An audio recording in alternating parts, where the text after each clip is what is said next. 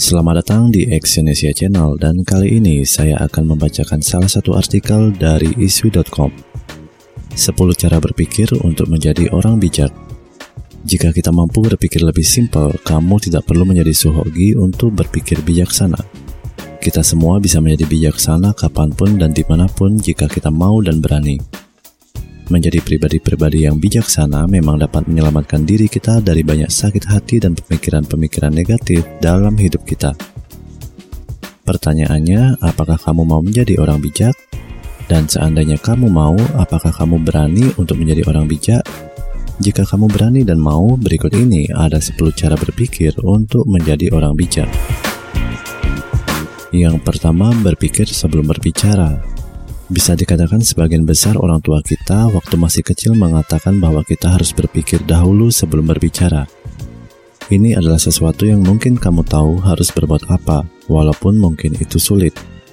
Salah satu prinsip komunikasi adalah setelah kamu mengatakan sesuatu, kamu tidak bisa mengambilnya kembali. Karena jika kita berbicara A dan ternyata kenyataannya B atau C, maka orang lain akan percaya dengan pembicaraanmu di kemudian hari.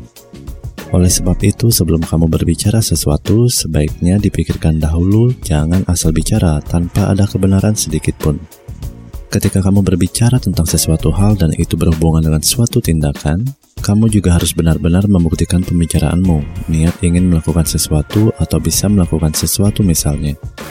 Kamu janganlah menjadi orang yang pandai bicara, namun pada kenyataannya kamu tidak bisa melakukan sesuatu seperti apa yang kamu bicarakan.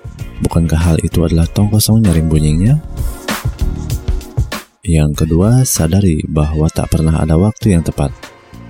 Pernyataan umum yang mungkin banyak diucapkan oleh orang setiap hari seperti Aku akan begini jika suatu hari nanti aku menjadi orang kaya. Aku akan begitu ketika aku nanti sudah bekerja dan berbagai perandaian-andaian yang lain. Jika kamu ingin menjadi orang bijak, kamu harus berpikir rasional untuk mengatakan bahwa itu bukanlah waktu yang tepat. Berpola pikirlah bahwa tak ada waktu yang tepat di dunia ini. Yang terbijak adalah saat ini adalah waktu yang terbaik untuk melakukan sesuatu yang berguna untuk masa depanmu.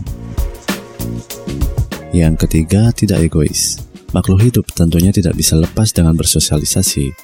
Dan ketika berhubungan dengan orang banyak, kita harus bisa menyeimbangkan antara kepentingan pribadi dan kepentingan orang lain. Kamu juga harus benar-benar peduli tentang kebutuhanmu sendiri namun, kamu juga harus bisa mengerti kebutuhan orang lain. Karena jika kedua masalah tersebut tidak bisa balance, mungkin kamu akan banyak mengalami kesulitan dalam hidupmu.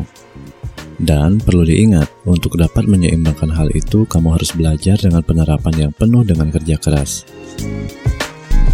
Yang keempat, meletakkan permasalahan pada pemikiran yang jernih.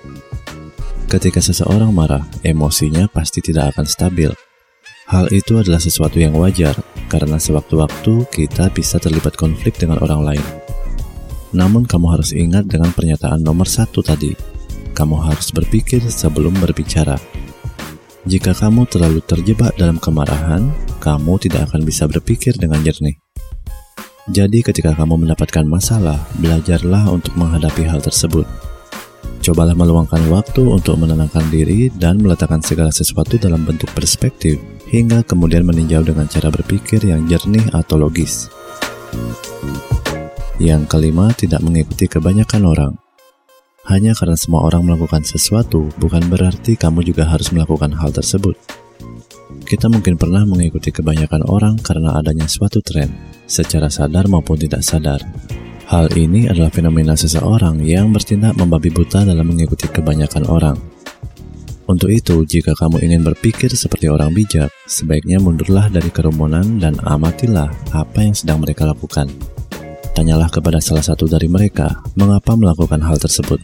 Kemudian tanyakan kepada diri sendiri, apakah kamu benar-benar ingin melakukannya dan apakah hal tersebut cukup bermanfaat untuk kehidupanmu. Yang keenam, jangan terpengaruh dengan perilaku negatif orang lain. Setiap orang bijak selalu menyadari bahwa mereka selalu mengendalikan pikiran, perasaan, dan tindakannya. Berbeda dengan orang lain yang selalu membiarkan perilaku orang lain mempengaruhi dirinya untuk berbuat sesuatu yang negatif. Yang terjadi, mereka membiarkan hal negatif tersebut mempengaruhi kehidupannya, dan pada akhirnya mereka mengalami penderitaan. Sebaiknya biarkan perilaku negatif mereka hanya melewati pikiranmu tanpa mempengaruhimu. Jika kamu berbuat sesuatu yang negatif, maka mereka adalah pemenangnya.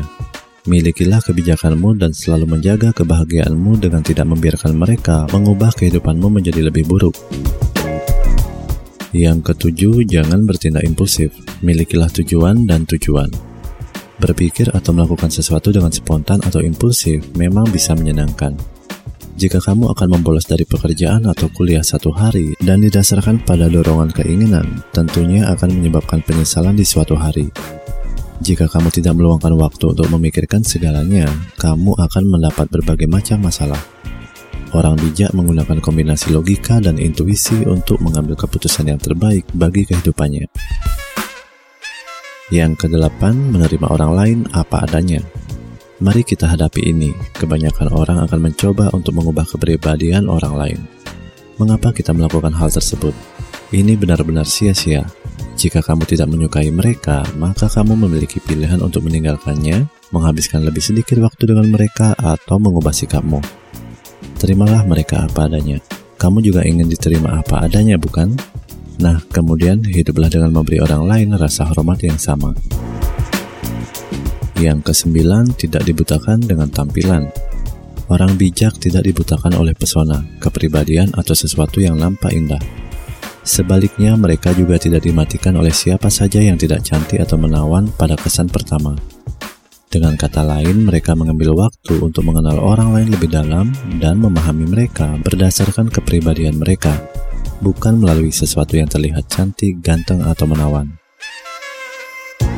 Yang ke-10 selalu mencoba untuk memahami orang lain.